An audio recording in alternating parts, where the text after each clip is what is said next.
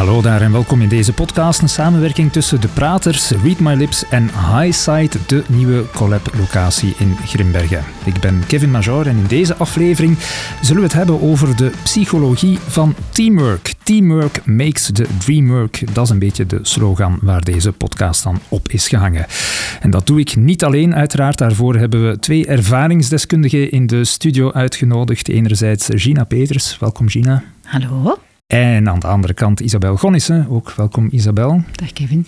Um, ja, Gina, mensen kennen jou wellicht nog van tv, maar je focus ligt nu toch vooral, ik ga er rap aan voorbij, hè, maar je focus ja, ligt toch wel hoor, op, uh, op, op andere dingen. Hè. Is mensen helpen om hun beste zelf naar voren te kunnen halen in een arbeidssituatie bijvoorbeeld. Ja, absoluut. Dat is mooi gezegd. Hè. Sinds toch al uh, acht, negen jaar ben ik daar nu fulltime mee bezig. Maar uh, ja, ik vind het niet erg hoor dat je verwijst naar mijn leven voor hè, coach ja. en trainer. Ja. Absoluut niet, want in die periode heb ik ook wel wat mensenkennis opgedaan, zal ik maar zeggen, die me vandaag wel van pas komt. Maar inderdaad, ik ben vandaag wel heel intensief bezig met de uh, organisaties eigenlijk te, orga te ondersteunen. Enerzijds de organisatie, maar ook iedereen die deel uitmaakt van die organisatie, om hen ja, zo goed als mogelijk ja, de beste versie van zichzelf te laten ontwikkelen. En als we het dan hebben over teams, ja, dan is het ook de energie of de dynamiek die tussen mensen heerst natuurlijk, want daar kan serieus wat ruis op de lijn zitten. Ja, absoluut. Um, en Isabel, jij bent van opleiding bio-ingenieur, werkt als sales manager bij Solvay, maar 30 dagen zonder klagen, dat is waar de mensen misschien jou nog het best van kennen. Um, ja, dat is helemaal jij, hè? 30 dagen zonder klagen. hè? Ja, ondertussen zijn we twee boeken verder. Dus uh, ja, ik denk inderdaad dat het allemaal begint bij jezelf om dan echt ook goed te kunnen werken in teamverband. Dus uh, ja. ja. Want samenwerken, dat is inderdaad wel essentieel voor een bedrijf en organisatie. Iedereen heeft zijn eigen ja, handboek bijna, maar mensen die samen moeten werken, dat is niet alleen, ja, dat is niet zo gemakkelijk, niet altijd. Um, hoe in jouw ervaring, Gina, kunnen we dat dan uh, ja, bewerkstelligen? Hoe, hoe gaat dat dan, mm-hmm. om die verschillende karakters toch ja. op elkaar in te laten ja. klikken? Eerst en vooral al aanvaarden dat we niet allemaal hetzelfde zijn, hè, daar begint het mee. Maar ik vind zo de definitie van teamdynamiek wel interessant. Hè. Teamdynamiek ontstaat door het gedrag tussen mensen. Ja, als we gaan kijken, ja, wat voedt dat vooral? Hè? Dan noem ik dan de brandstof van een, uh, van een team, is de manier waarop er gecommuniceerd wordt met elkaar. De manier waarop er tot besluitvorming wordt gekomen. De manier waarop feedback wordt gegeven. En de manier waarop mensen gecoacht worden. Dus dat is heel wat dan nodig is om, om echt zo positieve dynamiek in, in, een, uh, ja, in een team te ervaren. En ik ben heel blij met acties zoals die 30 dagen zonder klagen. Dat is zeer moeilijk. Wij kunnen heel gemakkelijk klagen. Wij kunnen heel gemakkelijk benoemen wat er niet goed gaat. Maar af en toe stilstaan bij wat gaat er wel goed en op welke manier kunnen we daar bewust positief mee omgaan. En dan verwijs ik even naar het boek um, dat ik samen met Isabel Hoebrechts heb geschreven, Positieve Intelligentie. Hoe kan je bewust positief in het leven staan? Dat maakt een groot verschil. Dat heeft impact op jezelf, dat heeft impact op je collega's, op je team, op een organisatie. Als mensen zich goed voelen, zijn ze betrokken, nemen ze verantwoordelijkheden, behalen we resultaten. En dat is wat iedereen wel blij maakt. En dat is het inderdaad, hè? om te beginnen al de mindset bij jezelf, mm-hmm. om die zelfs in soms moeilijke momenten, om die te kunnen omklikken naar iets wat positief is. Ja, dat is dus absoluut. Hè. Mijn eerste boek noemt Kies positief en het tweede Kies bewust. Hè. Dus jij ah, zegt ja, positief ja, ja, bewust kiezen. Dat is absoluut de sleutel. Um, ik denk, en ik denk ook dus dat het allemaal begint bij iedereen individueel. Als we gewoon, als er iemand een opmerking maakt en je hebt het zelfvertrouwen om te zeggen van oké, okay, die doet dat om bij te dragen aan mijn project, ja, dan zijn we bezig met constructief met elkaar om te gaan. Maar dat ligt toch ook wel heel vaak aan de persoon in kwestie. Dus vandaar echt het bouwen aan je eigen zelfvertrouwen om dan zo positief te kunnen gaan samenwerken. Ja, en openstaan voor wat mensen mogelijk als opmerking over jezelf geven, dat dat niet altijd in het um, defensief kruipen misschien. Mm -hmm. Voilà, inderdaad. Ja. ja. Maar dat is een moeilijke, hè? want mm -hmm. dat hebben we denk ik allemaal wel een beetje van het moment Enfin, meerdere en mindere mate, denk ik. Maar als je iets hoort over jezelf, dan gaat dat, komt dat misschien eerst wat binnen, moet je ja. dat even verwerken. En dan pas kun je er misschien op een positieve manier ja, mee aan de slag. Dat is wie dat wij als mens zijn. Hè. Wij hebben een oud ja, stressbrein dat gericht is op wat ons mogelijk in gevaar kan brengen. En dat scant continu. Ik geef een voorbeeld. Ik train bijvoorbeeld bij eh, VRT nog altijd jonge talenten. Mensen die talentvol zijn, op televisie komen en ja, in, in de schijnwerpers zullen staan. En dat is best pittig de dag van vandaag. En ja, dan komen ze huilen bij. Ik heb weer al negatieve commentaar. Zeg rustig, doe die zo open. En dan halen we hè, die, die erbij, vaak op social media. En dan trek ik streepjes van hè, de dingen, de positieve zaak. Oh, je zag er goed uit, je had een leuk kleedje aan, wat een leuk programma. Ik kijk volgende keer terug, ik ben fan, bla bla bla bla. Je bent echt een kutwijf. Dat staat allemaal geschreven, hè. dat zijn niet mijn woorden. Mensen zijn zeer hard. Hè. Ze staan niet meer stil bij wat dat bij iemand doet. En gewoon die ene opmerking die schuift al de rest van tafel. Ja, al het positieve is, ineens feedback weg. ook. Ja, luister heel goed als je feedback krijgt naar de dingen die goed gaan, die positief zijn. Geef daar ook aandacht aan. En laat probeer, het binnenkomen. Laat het binnenkomen. Ja. Wuif het niet weg. Nee. Ja, want complimenten hebben we vaak niet graag. Of gaan we wat allee, ongemakkelijk mee om. Het, zal allemaal wel zijn. Zo. Ja. En dan maar ook iets wat als negatief geïnterpreteerd wordt, heeft wel de bedoeling om je positief ja, ermee aan de slag te laten gaan. Dus hoera voor feedback, want het is altijd een middel om je beter te maken. Maar daarvoor moeten we in een ander stukje van ons brein zitten en dat is niet dat stressbrein. Nee, duidelijk niet. Nee. En ik denk ja, op, een, op, op werkvlak, ja, uh, jij werkt aan voor Solvay, um, ja, hoe ja, dat is niet altijd gemakkelijk, want dan heb je ook verschillende echelons. De onzekerheden die met elk station of zo, of hoe je het ook wil noemen, uh, gepaard gaan. Ja, hoe krijg je mensen dan ja, ja, ik denk de enige zekerheid is de onzekerheid. En het is echt ook de kunst van daar te leren mee omgaan. We hadden vorig mhm. jaar een reorganisatie, we hebben dit jaar opnieuw een reorganisatie.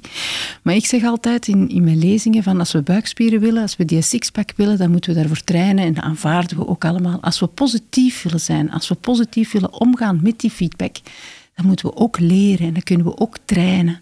En hè, dat is... Mhm het naar de neocortex laten gaan hè, in ons brein en niet direct naar dat reptiele brein. Dus het echt laten binnenkomen, erover nadenken en er gewoon mee aan de slag gaan. En uiteindelijk maakt dat zo een betere versie van jezelf. En dat is toch, dat kunnen we toch alleen maar toewensen. Dus ik denk dat feedback is een gift, zeggen ze. En dat is dan, oh, hè, wordt vaak mhm. gezien, ja. het is een cliché.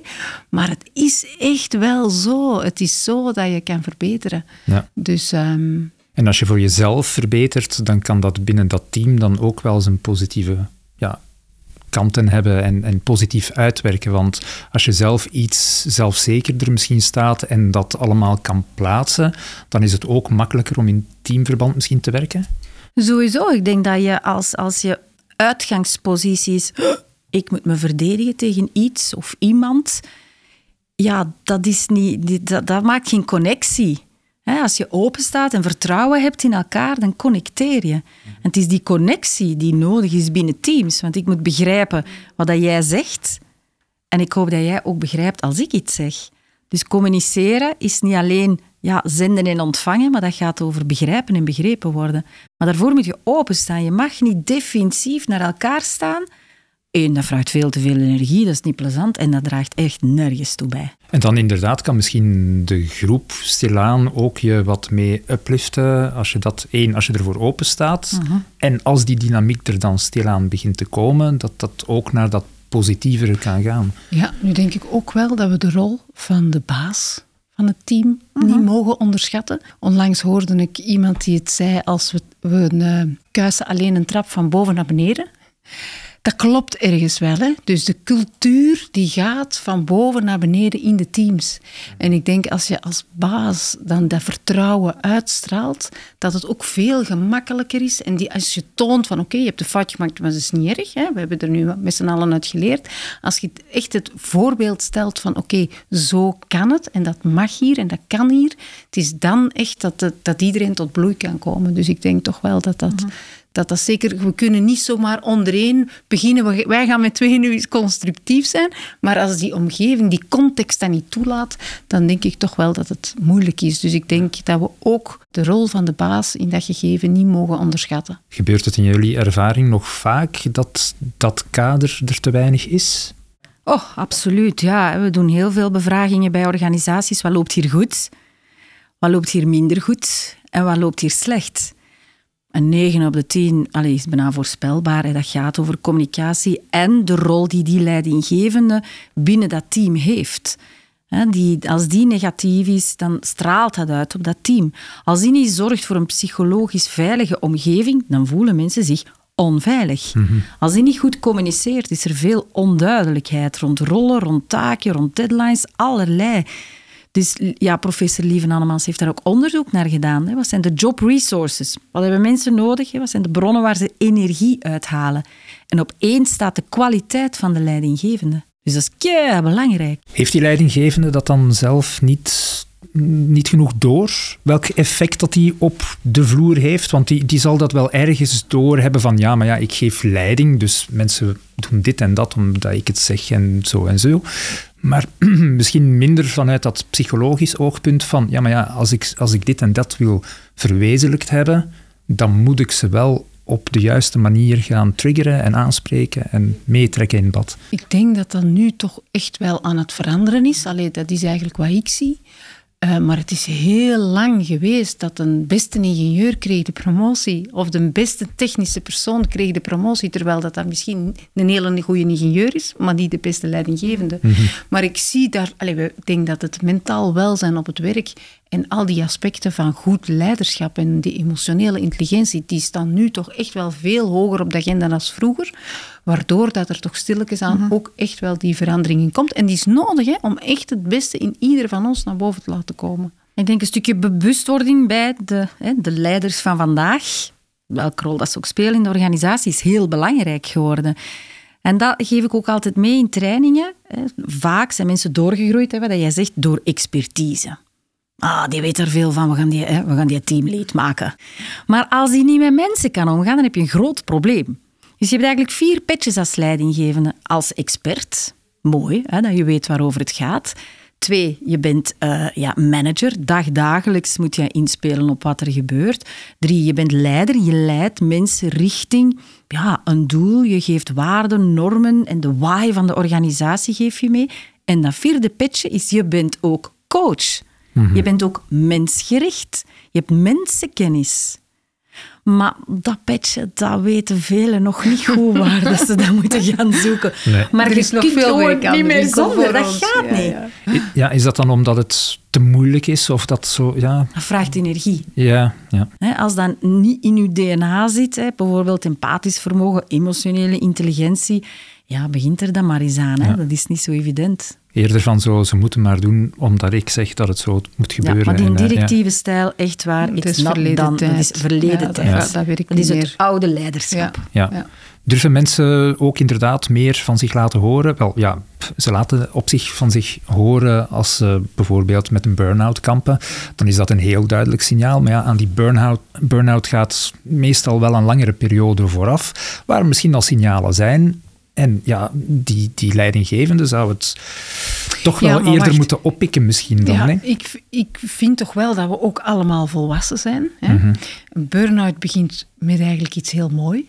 We willen die extra mijl gaan, we willen ons extra inzetten, dat is heel mooi. Maar op een gegeven moment moet je er zelf van bewust zijn dat je iedere keer toelaat dat er over jouw grens gegaan wordt. En dan moet je dat eigenlijk bespreekbaar maken. Dat is eigenlijk het credo in mijn boek Kies Bewust. Dus het is echt wel zelf die verantwoordelijkheid nemen, bewust zijn van Ga ik te ver? Ga ik niet te ver? Dus om, ik, ik hou niet zo van de gedachtegang dat we het allemaal bij iemand anders gaan leggen en het is allemaal de baas die het moet zien. Dat is toch echt wel een wisselwerking en dat ieder individu de verantwoordelijkheid opneemt, want te zeggen van oké, ik heb dat nu gedaan, want ik wil graag meewerken, ik vind het team belangrijk, ik vind de resultaten belangrijk, maar nu zijn ze echt aan mijn grens en heb ik gewoon even een time-out nodig, bijvoorbeeld. Ja. Maar ja, die burn-outers, ik ben ook burn-out coach, dus ik hoor veel verhalen. Ze hebben het soms moeilijk ook om aan zichzelf toe te geven. Ik ben over de grens aan het gaan. Mhm. Het gaat niet meer. Het is niet voor allemaal, hè. Maar ja, hè, vaak zit dat... Hè, ze hebben een drive, wat jij zegt. Mooi. Maar in overdrive wordt dat saboterend. Maar vaak zien zij dat dan zelf niet. En dan heb je ofwel een leidinggevende die zich zorgen maakt, die dat uit en die de persoon daarover aanspreekt. Of ja, er is een leidinggevende die daar die nuance niet in ziet, of dat is niet bevraagd. En die denkt, oh, maar dus toch goed bezig. Ja. En in dat opzicht kan het team daar op zich ook dan wel een rol in spelen. Ja, om die zeker, persoon absoluut. op te vangen ja. of signalen te herkennen. Of, ehm, en, en hoe kun je dat dan juist krijgen? Vergelijk bijvoorbeeld een voetbalploeg. Sommige ploegen die samengesteld zijn, kunnen het perfect met elkaar vinden, zijn echt op elkaar Mhm. ingespeeld, maar andere helemaal niet. Ja, hoe zorg je ervoor dat de juiste spelers op de juiste plaats staan en dat de juiste mentaliteit binnen dat team... Mensenkennis weer. Ja. Ja, ja. Ja. Dat is die coach, hè. dat is die rol van die coach. Absoluut. Oh. En dat 1 plus 1 is niet 2, hè, maar Ja. 1 plus 1 kan 3 zijn. hè. Ja. Dat is, eh, En een voetbalploeg, als je de vergelijking maakt, heeft een trainer en een coach. Soms is dat dezelfde zwaar. persoon, Ja. maar die een trainer is gericht op de resultaten. Wie gaan we op welke plek zetten? Wie is hier de aanvaller, wie is hier de spits? Ja, die kijkt daar naar. En een coach gaat kijken, hoe voelen zij zich? Hoe zitten ze in hun koppetje? Hoe gaan ze om met verlies? Hoe gaan ze om met stress? Hoe gaan ze om met elkaar? Dat is een coach. En die kan wonderen verrichten. Is het een idee, zoals bijvoorbeeld in Amerikaanse firma's eh, wel vaker gedaan wordt, misschien dat dat intussen ook bij ons ingang heeft, van een psycholoog on-site te hebben die, die, die meehelpt? Of zijn, vervullen jullie die rol als jullie inderdaad die coaching gaan doen, een beetje om dat klankbord te zijn van, eh, van mensen? Persoonlijk denk ik dat een in-house, dat dat eigenlijk toch een beetje wantrouwig is. Hè? Van, hè? En ik, ik denk eigenlijk dat iedereen die dat in-house zou doen, daar in volle geweten mee gaat omgaan en dat dat niet gaat doorvertellen Ja, ja, tegen ja. de baas. Maar ik denk dat iemand extern uiteindelijk veel meer resultaten kan Ja, boeken. omdat die onafhankelijker staat Ja, van de context ja, waarin... ja. eh, Profeet wordt nooit geëerd in eigen dorp, of hoe is het Mhm, ja. spreekwoord? Ja. Ja. Ja, ik wil dat toch wat nuanceren, omdat ik wel mooie dingen zie gebeuren als er echt een vertrouwenspersoon is in de organisatie. Die moet dan wel gekend zijn. Mensen moeten weten waar zit die, hoe kan ik die bereiken. Dus daar is soms nog wel wat werk aan om daar ja, de bekendheid aan te geven. Nu, ik hoor zeggen een psycholoog. Ik denk dat een coach op, op deze materie soms ja, interessanter is, want die begeleidt denk- en groeiprocessen. Dus ofwel is het de leidinggevende die investeert in zijn coachende vaardigheden, ofwel is er in-house een vertrouwenspersoon die de brand kan blussen, zal ik maar zeggen. Is het een gigantische brand, is het wel belangrijk, vind ik, dat er inderdaad wordt doorverwezen. En dat het ook buiten huis kan aangepakt Ja, worden. dat je eigenlijk als coach ook je eigen grenzen weet van oké, Voilà. vanaf nu moet, Ja. ik, moet, moet ik de fakkel wel doorgeven want aan iemand leidinggevende moet geen want- psycholoog en geen Nee. therapeut worden. Die moeten die grenzen ook wel leren bewaken soms. Ja, ja, het is dat. Maar uiteindelijk vanuit een positieve ingesteldheid langs alle kanten, langs jezelf, Mhm. langs het team, langs de leidinggevende, dan kunnen er eigenlijk betere ja, arbeidsomstandigheden ontstaan die eigenlijk het hele team en ook jouzelf als persoon kunnen Ja, upliften naar, naar een, beter een niveau doel. ergens. Hè? Ja. Ja, Ja, ik sluit wel aan bij wat Isabel zegt. Circle of influence. Begin bij jezelf. ja. Kijk eens, wat kan jij doen om bij te dragen bij die positievere cultuur? Bij die positievere manier van met elkaar omgaan. En ja, dan gebeuren soms wel mooie dingen. Want positiviteit is... Negativiteit is heel besmettelijk. Maar als we nu eens met z'n allen kiezen voor hè, bewust positiever te zijn, dan gaan we elkaar ook wel wat kunnen besmetten. ja. Tegenwoordig moeten oppassen met hè, positief besmet zijn en zo. Ja, ja, ja, ja. In deze omstandigheden In deze waarover wij... ja, dan, graag, ja. dan zeker wel. En ik denk dat dat ook een heel mooie noot is om eh, Mhm. dit gesprek mee af te sluiten. Eh, bedankt Gina, bedankt Isabel om hier te zijn. Ehm, bedankt om te luisteren ook naar eh, deze podcast, die mogelijk gemaakt is door... Onder andere Read My Lips door High Site in eh, Grimbergen en ook door de praters. Als je zelf als organisatie of bedrijf een podcast wil, eh, surf dan bijvoorbeeld naar depraters.be. Dit was Kevin Major. Graag tot een volgende keer.